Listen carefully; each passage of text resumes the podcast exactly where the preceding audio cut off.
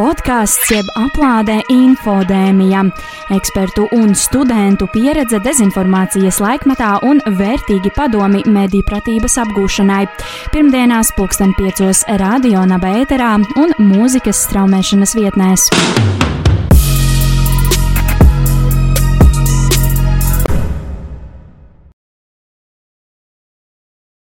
Hei, hei, hei visiem podkāstu infodēmija klausītājiem! Jauna pirmdiena, jauns uh, raidījums, podkāsts infodēmija, jauna epizode mums šodien, un uh, studijā esmu es, mans vārds ir Elīna.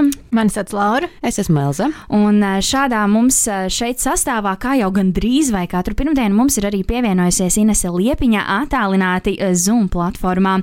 Šodienas tēma, kā jau jūs redzat pēc virsraksta, mums ir uh, influenceri, un uh, tad jau arī par to vairāk vairāk pastāstīs pati Inese, atbildot uz mūsu sagatavotajiem jautājumiem. Labdien, Inese! Sveiki! Varbūt tad jūs nedaudz sākumā varat vairāk iepazīstināt ar sevi un pastāstīt, ar ko tad jūs ikdienā nodarbojaties. Mm -hmm. Es esmu žurnālists. Šobrīd es strādāju Baltijas pētnieciskā žurnālistika centrā Rebaltika.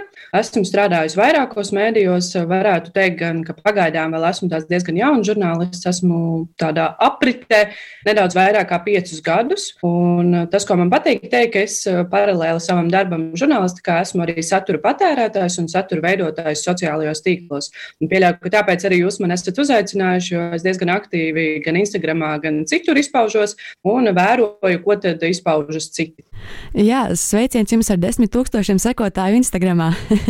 Paldies! uh, Jā, bet uh, jūs mēs uzaicinājām ne tikai tāpēc, bet arī tāpēc, ka jūs esat pētījusi uh, Mediāra Baltika influencerus un uh, par to, ka influenceri ir ne tikai skaisti, jauki pūkaini un mūsu visiem uh, mīļi ikdienas biedri, bet tie var radīt arī ļaunumu, uh, izplatot dezinformāciju, piemēram. Uh, varbūt jūs varat kaut ko par to pastāstīt, kā influenceri, kāda ir influenceru loma dezinformācijas izplatīšanā. Un uh, tieši konkrēti es atceros, ka jūs pētījāt gadījumu par to, ka viena Instagram uh, slavenība, to tā var nosaukt, tirgoja sulu, kas it kā ārstējot vēzi. Varbūt jūs varat pastāstīt par savu pētījumu un uh, kādām gūtajām atziņām. Mm -hmm. Jā, mēs pievērsāmies satura radītājiem, ja tā saliek pa punktiem. Um, jūs jautājāt, kāda ir influenceru loma dezinformācijas izplatībā tad man jāsaka, ka viņu loma ir tieši tāda pati kā jebkura cita satura veidotāja, jebkura cita cilvēka, kas veido saturu internetā. Bet eh, tas, kas ir influenceriem, lielākoties viņiem ir eh, daudz sekotāju. Tātad tas, kas viņus atšķir no vienkāršiem satura veidotājiem, ir, ka viņi šo dezinformāciju vai informāciju var izplatīt diezgan lielam cilvēku lokam. Un mēs ar Baltikā, tas, manuprāt, bija pirms gada vai diviem, mēs eh, pieķērāmies ļoti šaurai nišai. Mēs domājam, kas ir tas lielākais ļaunums, ko cilvēks izplatot dezinformāciju var izdarīt. Skaidrs, ka tur ir visādas klikšķu lietas, reklāmu lietas, dusmu, emociju uzkurināšana. Bet viena no lietām ir, kas manuprāt ir visbīstamākā, kad tiek izplatīta nepatiesa informācija par ārstniecību, par kaut kādām piedēvēšana lietām, kad lietām piedēvē īpašības, kuras viņām nav. Kad kaut kāda sula, piemēram, var ārstēt vēzi, kā jau jūs minējāt, arī tāds gadījums mums atklājās. Un tad es šeit, es un mani kolēģi, mēs redzējām lielu bīstamību šādā saturā. Un, jā, tur mēs atklājām vairākus gadījumus, kad influenceri ir izplatījuši maldīgu informāciju, bet ņemot vērā, ka mūsu uzraugošās iestādes nav pārāk aktīvas šajā jomā, tad viņi ir tikuši cauri sveikā. Un es skatījos vēl šodien informāciju jaunāko, neviens influenceris Latvijā par maldinošu reklāmu vai par to, ka viņš ir, nav norādījis, ka tā ir, ka tā ir reklāma, nav saņēmis sodu. Neviens influenceris Latvijā nav sodīts. Sakiet, vai pastāv arī gadījumi, kad uh, influenceru publicētais saturs nav strukturēts tā, lai to varētu nu, tik vienkārši pārbaudīt? Man, teiksim, prātā nāk piemērs, kur vairāki tā saucamo balto nacionālistu influenceri stāsta uh, dziļi personīgus stāstus gan par pašu radikalizāciju. Um, nu, tas var būt arī patiesi, taču tā, tie tāpat pastiprina dažādus rasistiskus vai, vai antisemītiskus stereotipus. Uh, kādas, jūsuprāt, ir iespējas ierobežot? Ierobežot šāda satura izplatību sociālajos tīklos? Mm, saturu, kur cilvēks dalās ar savu viedokli vai pieredzi? Nu, kur veicina stereotipu, bīstamu stereotipu, kas ir teiksim, saistīts jā, ar antisemītismu vai rasismu izplatību? Vai tas ir jāierobežo? Nu, diskriminācija ir aizliegta, tas jau tā kā būtu skaidrs, bet uh, ierobežot cilvēku viedokli. Man šķiet, ka tas, kas bija viens gadījums, man šķiet pavisam nesens, kad viena influenceri izteicās negatīvi par LGBTQ plus kopienu, un um, tas, kā tas sakārtojās, ja tā var teikt, tad uh, nu, šī kopiena deva pretī savu pretsvaru, un tad tur izvērtās tāds kariņš. Es gan nezinu, kas būtu bijis labākais, vai klusēt un uh, nepavairot šo ziņu, vai, vai vienkārši viņai mierīgi uzrakstīt un pastāstīt, eh, kāpēc tas, ko viņi saka, īsti varbūt eh, nav patīkami un īsti nav labi. Es, es nezinu, kā ir, kā ir labāk, bet tad, kad cilvēks, es strādāju ar faktiem, kā žurnālists strādāju ar faktiem, ja tie ir viedokļi, tad eh, nu, viedokļus cenzēt mēs nevaram neviens noteikti. Jā, mēs par šādu lietu arī esam runājuši iepriekš, ka tas ir tāds diskutabls jautājums, vai teiksim, jo tajā momentā, kad tu sāc pievērst uzmanību šādiem skandaloziem viedokļiem vai izteicieniem vai kaut kādiem, es nezinu, postiem un tā tālāk, tu jau viņus turpini publicēt, un uh, nevis publicēt, bet uh, reklamēt. Pārpublicēt, tā kā padot tālāk. Jā. Uh, jā. Ko jūsuprāt, visā šajā, tā var nosaukt, influenceru jautājumā, spēj un var darīt žurnālisti, un ko jūs jau šobrīd darāt? Nu šeit, tad mums ir jāsaprot, ko jūs domājat ar vārdu influenceris. Jo um, pēdējais, ko esmu skatījusies, ir um, Oksfordas vārnīca, un Oksfordas vārnīca influenceri nu, nodefinē kā tādu, teiktu, mūsdienu reklāmas, tāpat tur bija definīcijā, es atstāstu saviem vārdiem, kas ir cilvēks ar lielu sekotāju skaitu, kuru uzņēmumi, kompānijas izmanto, lai reklamētu savu preci. Vai mēs tikai šo saprotam influencerus, vai jūs domājat plašākā kontekstā? Nu, es laikam domāju nedaudz plašākā, jo viens, nu, tas par tavu reklamēšanu, tas ir atkal atsevišķs jautājums, bet, uh, kad runa iet par to, ka, teiksim, cilvēki atkal ar lielu auditoriju un tā tālāk ne tikai reklamē, bet arī, nu, teiksim, uh, samudžina faktus vai nodot nepareizu informāciju. Mēs vienkārši runājam par cilvēkiem ar lielu auditoriju. Visticamāk, jā. Nu, jā, tad, tad ir jājautā, es nezinu, vai um, Valentīns Jeremējevs ir influenceris, jo viņam ir daudz sekotāju, viņš uh, visu laiku izplata diezgan nepatiesu informāciju. Iespējams, nu, nē, diez vai. Es domāju, vairāk, nu, žurnālisti šobrīd arī ir Baltika, protams, pārbauda faktus un uh, regulāri liek, ka nē, šis, kas ir izplatījies, nav taisnība, un šis, ar ko ir dalījušies, tur desmit tūkstoši cilvēku, ir nepatiesi. Uh, man tāds jautājums vienkārši bija, vai žurnālistu un arī mediju balsis uh, šajā te mm, burbulī, gan sociālajos tīklos, nepaliek nepamanītas, ka visi varbūt, kamēr, kamēr to ne nenošēros kāds uh, cilvēks ar lielu auditoriju, tas varbūt arī nemaz netiks tik viegli pamanīts. Mm -hmm. nu, jā, ja mēs runājam par faktu pārbaudi, tad tā lielākoties vismaz no Baltikas puses notiek Facebook. Un um, tie faktu pārbaudas objekti, nu, es, tad, tad, ja mēs viņus nedof, ne, nevaram definēt, tad vairs kā influencerus kaut kāds, nezinu, viedokļu līderi varbūt ir kaut kādā mērā, jo nu, Facebookā es nezinu influenceri, kuri ir. Mm, vai balsis nepazūd?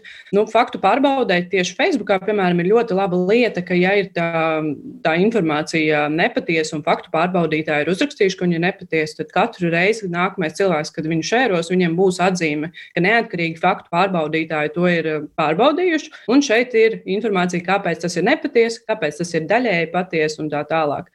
Līdz ar to mēs uzreiz nonākam pie šīs informācijas uh, izplatītājiem, pie šīs informācijas sasniedzējiem. Bet tas, ka influenceri bieži vien sasniedz vairāk nekā mēdī, nu tā ir taisnība. Jā, tam es, tam es varu piekrist noteikti. Sakiet, vai jūsuprāt, Latvijā pašlaik tiek īstenota veiksmīga uzraudzība jautājumā par to, vai influenceri kopumā nemaldina patērētājus un, un maksā nodokļus? Un, uh, cik liela ir šo uzraugošo organizāciju ietekmes sfēra, nu, teiksim, patērētāja aizsardzības centra kā piemērs? Mm -hmm. Tad mēs varam patiesībā runāt par trīs um, iestādēm, organizācijām, kas Latvijā uzrauga influencerus.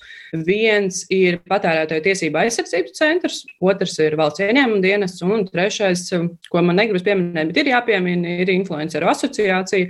Un kāpēc es saku, man negribas pieminēt, jo influenceru asociācijas skan iespaidīgi un šķiet, ka viņi kaut ko varētu darīt, bet mēs redzam, ka to ir izveidojis viena influencere. Viņai ir kaut kāds bariņš arī ar sekotājiem, kas ir pievienojušies tam, bet tas, ko var redzēt, ka šī pati izveidotāja bieži vien pārkāpja ētikas kodeksu, kas viņiem ir mājaslapā, un nav pats labākais piemērs informācijas izplatībā. Nu, par valsts ieņēmumu dienestu es teicu, kādu brīdi neesmu sekojis, cik stingri viņi uzrauga influencerus.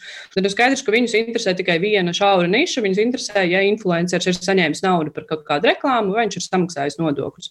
Tas, kas mums kā patērētājs visvairāk interesē, ir patērētāja tiesība aizsardzības centrs. Un um, nebaidīšos, nebaidīšos teikt, ka, manuprāt, tā ir bezzobaina organizācija šobrīd. Tā kā es jau pašā sākumā minēju, ka neviens influenceris par maldinošu reklāmu nav sodīts Latvijā. Un arī pēc mūsu pētījuma mēs gājām konkrēti pie uh, tāds vadītājs ar konkrētu video un rādām šeit dāma, kas, kurai ir vairāk tūkstoši sekotāji Instagramā. Viņa izplatīja informāciju, ka sula, kuru viņa pārdod, ārstē vēzi. Nu, ko jūs varat darīt? Nu, skaidrs, ka tā ir maldinoša reklāma, bet tāds ir nostāja, ka mēs vispirms konsultējam, un, un tad mēs negribam sodīt, un mēs negribam asi vērsties.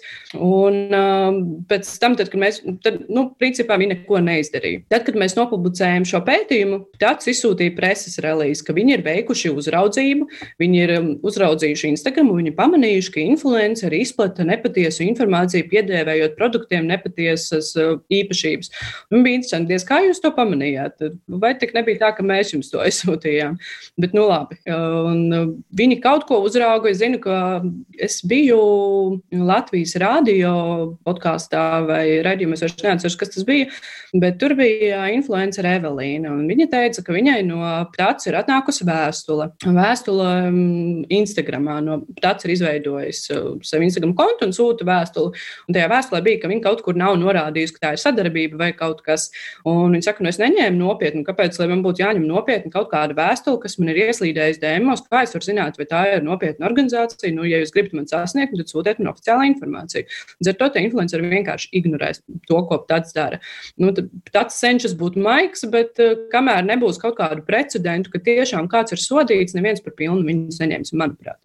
Sakiet, vai es kā mēdīju lietotājs, kā sociālo mēdīju lietotājs, arī varu kādā no šīm iestādēm, piemēram, patērētāja tiesība aizsardzības centrā, vērsties ar sūdzībām par uh, kaut kādām ļoti izteiktām lielām nepatiesībām, ko es, nu, ko manuprāt, kāds influenceris ir izplatījis, vai arī man ir tādas iespējas? Mm, tad ir iespējas, ir, bet ir jāskatās, kas ir tas, ko viņš ir izplatījis. Vai tas ir kaut kas, kas ir saistīts ar patērētāju lietām, vai tā ir kaut kāda reklāma vai maldinoša informācija par produktu. Ja tā ir ziņa par to, ka valdībai maksā, lai viņa uztaisītu Covid skaitļus, tad tāds īsti jūs tur nevarēs aizsargāt. Bet vērsties pie tāds par maldinošām reklāmām noteikti var un vajag, jo vairāk viņiem būs šīs informācijas, jo vairāk viņi varbūt varēs izsekot līdzi. Tā mana hipotēze ir, ka viņi vienkārši nespēja izsekot līdzi. Tā iestāde ir tik liela, cik viņi ir, un cilvēki ir tik advancēti, cik viņi ir. Un, bet mediji un sociālajie mediji ļoti strauji mainās. Un, piemēram, saturs, kas ir storijos, pazūd pēc 24 stundām, un tāds varbūt nav tādu resursu, lai viņi vienkārši izsakot visam tam līdzi. Un vērsties var un vajag. Tas, ko viņus drīzāk jums ieteiks, ko viņi arī man ir ieteikuši, nu, reportējiet to ierakstu. Var pašam Instagramam vai pašam TikTokam vai nu, jebkurš, kurš tas sociālais medijs ir, var nosūtīt, ka te ir kaut kāda vai nu ilgus informācija vai kaut kas pārkāpts, un to var izdarīt ar vien, viens pogas spiedienu. Tas ir tas, ko, ko tāds iesaka. Bet, uh, es noteikti ieteiktu vērsties pie viņiem, ja ir kaut kādi tādi, tādi notikumi. Un tad ir viena tāda tendence, kas, manuprāt, pasaulē ir ļoti izplatīta šobrīd, Latvijā varbūt mazāk. Bet vai jūsuprāt būtu vairāk jāregulē influenceru apmaksāta darbība politiskajās kampaņās? Kur uh, jau pēc būtības tiek izplatīts uh, diezgan daudz dezinformācijas. Un, uh, līdz ar to jautājums, vai Latvijā varētu notikt arī influenceru uzraudzība šādā kontekstā. Ja kāds influenceris sāktu, piemēram, aktīvi atbalstīt kādu politiķi, bet varbūt neatrunātu to, ka tā ir apmaksāta reklāma. Mhm. Nu, ja tā ir apmaksāta reklāma, tad partijām ir jāiesniedz visas finanses knābā. Tad tas kaut kur noteikti uzrādīsies, ja tā ir bijusi apmaksāta reklāma. Es gan neesmu, godīgi sakot, sekot, manījusi nu, visas iepriekšējās vēlēšanas, kas ir bijušas, kā influenceri aktīvi iesaistītos. Ir viena influenceri, ko esmu pamanījis, kas runā aktīvi, bet viņa pati kandidē un, stāstīt par sevi, nu, vai mēs to varam uzskatīt par reklāmu. Mums ar to noteikti uzraudzīt vajag, bet es šobrīd neredzu, ko īsti. Domāt par mehānismiem nākotnē noteikti.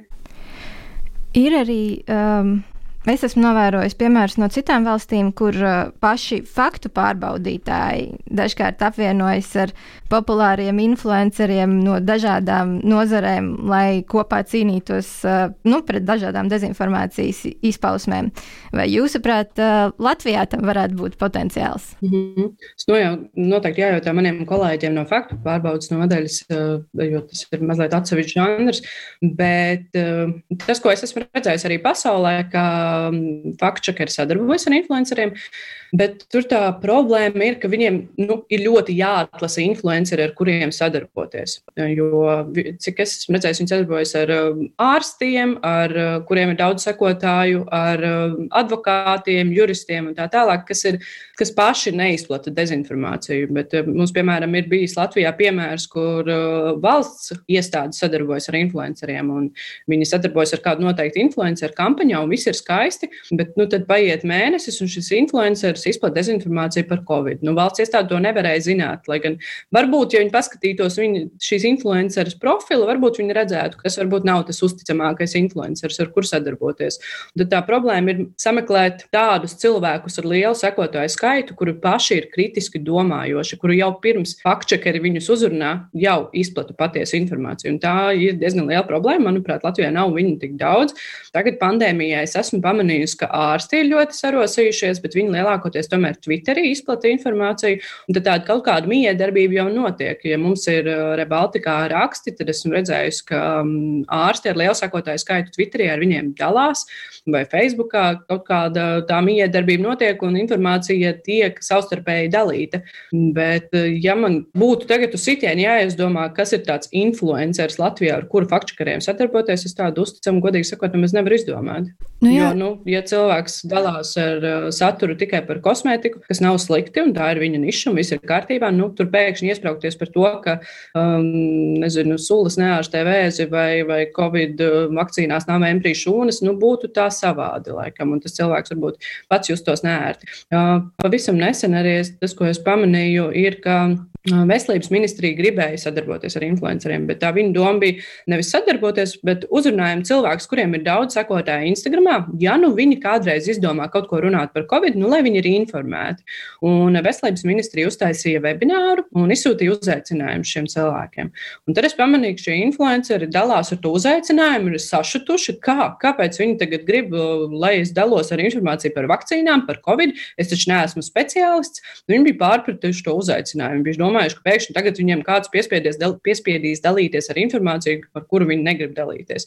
Lai gan patiesībā tā doma bija vienkārši, ja jums gribas kādreiz, tad mēs varam jums piedāvāt parunāties ar ārstu, kurš jums iedos patiesu informāciju. Un ar to tur tāda ļoti slidīga tā influencer tēma pagaidām Latvijā ir. Kamēr neradīsies tiešām li liela profila ar lielu sekotāju skaitu, kas ir profesionāļi ārsti, zinātnieki, kuriem visdrīzāk šobrīd nav laika. Ja mēs paskatāmies valsts galveno infektuologu Twitterī viņam ir daudz sekotāju, bet viņš pat vēl nav paspējis ielikt uh, savu profilu bildi, jo nu, diez vai viņam vienkārši tam ir laiks. Jā, tas, tas tā ir. Jā. Un uh, tas, ko es vēl esmu arī personīgi novērojis, ir tas, ka ļoti bieži šī lielā auditorija, manuprāt, Latvijā tas tā ir izteikti, tiek iegūta ar visādiem konkursiņiem, un, kas arī nu, pats par sevi nav slikti, bet tad uh, ir jādomā par to, uh, cik ļoti tā auditorija reāli vērtē, kam seko. Jo, teiksim, nu, man studējot žurnālistiku, liekas ļoti jocīgi sekot kādam, kurš kaut ko nodot tā kā pastarpināti. Man atkal liekas, ka nu, es tiešām cenšos sekot ārstiem vai mediju portāliem, kā foršiem, labiem mediju portāliem, nevis, teiksim, iegūt informāciju, kas jau ir, teiksim, vienreiz jau izgājusi kaut kādam ķēdes posmam cauri un tad nonākusi pie manis uh, caur kādu. Un, bet uh, acīm redzot, ka es esmu arī tā novērojusi, ka tas ir ļoti populāri, ka, tā, ka cilvēki nemeklē to pirmo votu, bet uh, viņiem patīk tas. Uh, tā, nu, tas tā negatīvi varbūt izklausās atreferējums no kāda cita. Ir arī, protams, pozitīvi gadījumi, kad tur piešķir kontekstu un pastāsta vairāk un tādā garā. Un es gribēju pajautāt, ja drīkst arī, teiksim, par jūsu profilu, ko es pieminēju iepriekš. Jo jūs neesat influenceri, bet, un jūs netaisat konkursiņus, bet tomēr jūs esat ieguvusi diezgan, manuprāt, diezgan lielu to savu sekotāju skaitu. Var jūs varat pastāstīt kaut ko par to, kā jūs, kā jūs menedžējat uh, savus profilus un kā jūs viņus izmantojat, teiksim. Jo es, protams, zinu, ka arī jūs nododat tur visādas uh, ziņas un uh, tādā garā. Mm -hmm. nu, redz, tad mēs atgriežamies pie tā, kas ir influenceris. Man ir desmit tūkstoši sekotāji, un jūs sakat, ka es neesmu influenceris. Tad aizvainot. nu, nē, nē, man liekas, ka tas atkal ir kompliments. Jūs esat žurnālisti. Viedokļu izplatītāji. Paliksim pie šīm. Okay. Jā, es um, patiesībā es savu Instagram nekad nebiju izmantojis profesionālos nolūkos līdz pagājušā gada decembrim, manuprāt, kad man vienkārši pierēbās, godīgi sakot. Es atkal iegāju kaut kādās profilos. Manuprāt, tā bija tā pati influencer asociācijas cienījamā vadītāja, kur bija ielikusi storijas, ka visi mēdīji melo, žurnālisti ir uzpirkti, atsakies no mēdījiem un tev dzīve uzlabosies. Vai viņi bija uzrakstījusi, vai kaut es atstāstu, es tiešām precīzi neatceros, varbūt viņi bija teikusi, ka viņi ir atteikusies un tad viņai ir dzīve uzlabojusies. Kaut kā tā. Un es sadusmojos, jo mans uzskats ir, ka nē, cilvēks bez informācijas ieguves, kvalitatīvas informācijas ieguves nevar izdzīvot sabiedrībā. Viņam ir jāzina, kas notiek apkārt, un būt informētam ir daudz labāk nekā dzīvot kaut kādā savā iedomu pasaulē. Un tas, ko es sāku darīt, es teicu, ka, hei, es dalīšos ar ziņām, jo jums patīk sekot, ja nepatīk atsakojiet. Tas, ko es daru reizi nedēļā, es apkopoju svarīgāko, kas ir noticis lielākā. Es cenšos runāt par Latviju, un tādos mazos piecos Instagram storijos es uzlieku, kas ir Latvijā noticis un izstāstu. Un es pamanīju, ka cilvēkiem tas patīk, man bija 6000 sekotāji decembrī, tagad man ir 10,000 sekotāji. Tātad tas ir ļoti strauji izaudzis sekotāju skaits. Un patiesībā man pavērās ļoti interesanta pasaule, kur man cilvēki sāka rakstīt, paldies, tu esi vienīgais mēdījis, kurus patērēju. Es, ne, es, es šo nezināju. Un reizēm, kad es uzrakstu kaut kādu ziņu, es nezinu, nu, kaut kādas izmaiņas nodokļos vai kaut kas, kas man ir šķitis svarīgs, ko vajadzētu nodot. Es rakstu, un domāju, nu, kāpēc es šo rakstu? Tas ir bijis pilnīgi visos mēdījos. To noteikti visi zina. Nu, to, tas nevarēja paslīdēt garām. Un es ielieku, man atnāk kaut kādas 20 ziņas, paldies, es, ne, es nebiju šo pamanījis. Es tur nelasu ziņas, vēl kaut ko. Un tad es saprotu, ka mēs dzīvojam pavisam dažādos burbuļos ar tiem cilvēkiem. Un man ir prieks, ka es varu viņiem vismaz kaut kādu informāciju iegūt. Skaidrs, ka es neesmu medijs un es nevaru viņiem iedot visu, ko viņiem varbūt vajag, bet ļaut viņiem nedzīvot pilnīgā tumsā es varu. Un uh, par to man ir prieks, bet tepat laikā es, tas ir vienreiz nedēļā, ko es daru. Tur saglabāju highlightos, ko tu vari paskatīties visu nedēļu, nu, visu nedēļu bet uh, es uzskatu, tomēr, ka tas ir nedaudz arī mans privāts profils, un es dalos arī ar savām brokastīm. Tur ir brokastis ziņas par pasauli, ziņas par Latviju un viss tādā lielā mučkulī man tur. Kopumā uh, droši vien pasaulē pēdējos gados ir tapis ļoti daudz satura par influenceriem un, un to izpausmēm. Un, un, uh, arī Latvijā uh, 2020. gadā LTV tapa dokumentālā filma Influenceri, kurā, ja es nemaldos, arī jūs bijāt viena no pieaicinātajiem ekspertiem. Varbūt uh, jūs varat pastāstīt arī mūsu klausītājiem, kāds uh, bija šīs filmas galvenais mērķis un, un vai jūs prāt to izdevās sasniegt? Mm, fuh, ļoti smags jautājums. Kāds bija filmas galvenais mērķis? Es nezinu. Es biju pieaicināta filmā runāt 15 uh, minūtes. Uh, tad tas ir jājautā filmas veidotājai Evai Johansonai. Bet um, tas, ko es ieguvu, noskatoties to filmu, man tur arī bija daudz jaunu. Tur ir divi influenceri, kuriem es uh, neatceros, vai vēl sekoju, vai kaut kad sekoju, bet Rojas Rodžers, Rodžers un Agnija Grigula. Un man šķiet, ka viņu parādīja vienkārši tās aizkulis, nu, ka tie ir arī cilvēki ar um, jūtām, ar pārdzīvojumiem, ar savu ikdienu. Un skatītājs varēja ielūkoties tajā, ko viņš ikdienā neredz. Jo tas, ko mēs redzam Instagram vai jebkurā sociālā tīklā, ir tikai tas, ko šis cilvēks izvēlas mums rādīt. Tad mums reizēm rodas varbūt kaut kāda neveselīga salīdzināšanās, paskaties, cik viņam skaisti, bet viņš jau visu neizvēlas mums rādīt.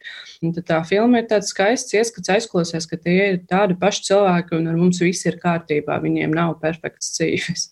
Jā, um... Varbūt kaut kāda influenceriem. Jo, kā jūs paši teicāt, ka, ja jūs mani nenosaucāt par influenceru, tad tas ir kompliments. Man, man atkal gribētu teikt, ka nu, influenceriem nevajadzētu būt lamu vārdam. Es uh, abrīnoju bieži vien šos cilvēkus, jo mēs visi pavadām laiku sociālajos tīklos, un šie ir cilvēki, kas ir iemācījušies to monetizēt. Viņi ir gudrāki par mani. Es nepelnu ar sociālajiem tīkliem, viņi pelna forši. Man, man liels prieks par viņiem. Jā, es gribēju arī pieminēt, ka uh, es pat arī redzēju šo influenceru filmu, un man likās ļoti arī uh, interesanti, kā tika runāts arī ar uh, abu divu influenceru, gan uh, Roju Rodžeru, gan Agniju Griguls vecākiem, uh, vai vecvecākiem īsti neatceros, bet, nu jā, un kā, un kā viņi uz to visu skatās, man liekas, tas bija tāds ļoti, ļoti um, tāds labs ieskats arī kā, no citu skatu punktu, jo, nu, mēs jau, protams, to skatāmies ar uh, savu 20, nu, jaunu pieaugušo acīm. Uh, laiks, diemžēl, ir nepielūdzams, un, uh, un, un, un podkāstu infodēmijas uh, mūsu 23. epizode jau virzās ļoti strauji uz beigām.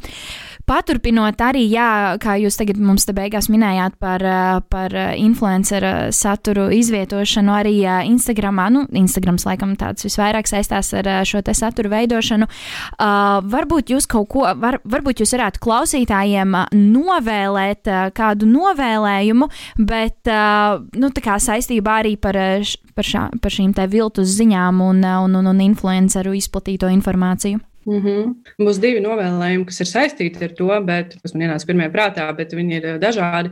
Pirmā lieta, ko es gribētu katram novēlēt, ir iegūglēt pirms septies vai pirms spiest šērpogu, jo bieži vien informācija, kas nav patiesa, izklausās ļoti šokējoša un mūs ļoti sadusmo, un mums gribas padalīties ar visu pasauli, bet reizē viņa, kā jau teicu, nav patiesa, tāpēc varbūt iegūglēt, ko saka citi mēdīji vai ko par šo informāciju mēs vispār varam atrast, un tad nomierināties. Tā ir pirmā lieta. Un otrā lieta, kas ir saistīta ar to, ko es pieminēju, tā sava neveselīgā salīdzināšanās ar uh, cilvēkiem, ko mēs redzam internetā. Es gribētu, lai katrs cilvēks, un arī es tā skaitā, man arī jāmācās ar to pamost no rīta ar domu, ka ar mani viss ir kārtībā. Jo influenceriem un uh, satura veidotājiem bieži vien uh, viss izskatās perfekti, bet mēs aizmirstam, ka tur ir profesionāli fotografi, profesionāls apgaismojums, studijas un tā tālāk. Un tās dzīves ir, man negribas veidot, teikt vārdu izkropļotas, bet viņas ir piepucētas. Un ar mūsu dzīvi viss ir kārtībā, pat ja tā nav piepucēta. Nu jā, jo mēs savu dzīvi izdzīvojam pilnībā ar visām augšām un lejām, un taču influenceri mēdz vien parādīt tikai tās augšas, bet, bet jā, kopumā, manuprāt, ļoti liels atziņa. Tiešām tas, tas, kas jāatcerās, ka ar mums viss ir kārtībā un tik ilgi, kamēr arī visas pamatvajadzības ir apmierināts, viss tiešām ir labi. Atgādināšu vēlreiz klausītājiem, ka ar mums šodien kopā bija Inese Liepiņa, jauna žurnāliste ar eh, lielisku ieskatu influenceru pasaulē. Paldies jums liels, Inese, par eh, šodienas eh, sarunu. Un uh, tad, jā, atgādināšu vēlreiz, ka studijā biju es. Mans vārds ir Elīna. Es esmu Laura. Es esmu Elza. Un paldies liels visiem uh, klausītājiem par klausīšanos. Meklējiet uh, gan Ines Liepiņu, gan arī podkāstu infodēmiju sociālajos tīklos, uh, Instagram, Facebook, uh, varbūt arī citur. Un podkāstu infodēmiju var klausīties katru pirmdienu, pulksten piecos radionā bētrā un uzreiz pēc tam arī uh, Google podkāsts, uh, Apple podkāsts un arī uh, vietnē Spotify. Un tad, uh, teiksim tā, un līdz nākamajai reizei. Visu labu! Tā! Čau, čau! Podkāsts jeb aplādē infodēmija, ekspertu un studentu pieredze dezinformācijas laikmetā un vērtīgi padomi mediju pratības apgūšanai. Pirmdienās pulksten piecos radio nabēterā un mūzikas straumēšanas vietnēs.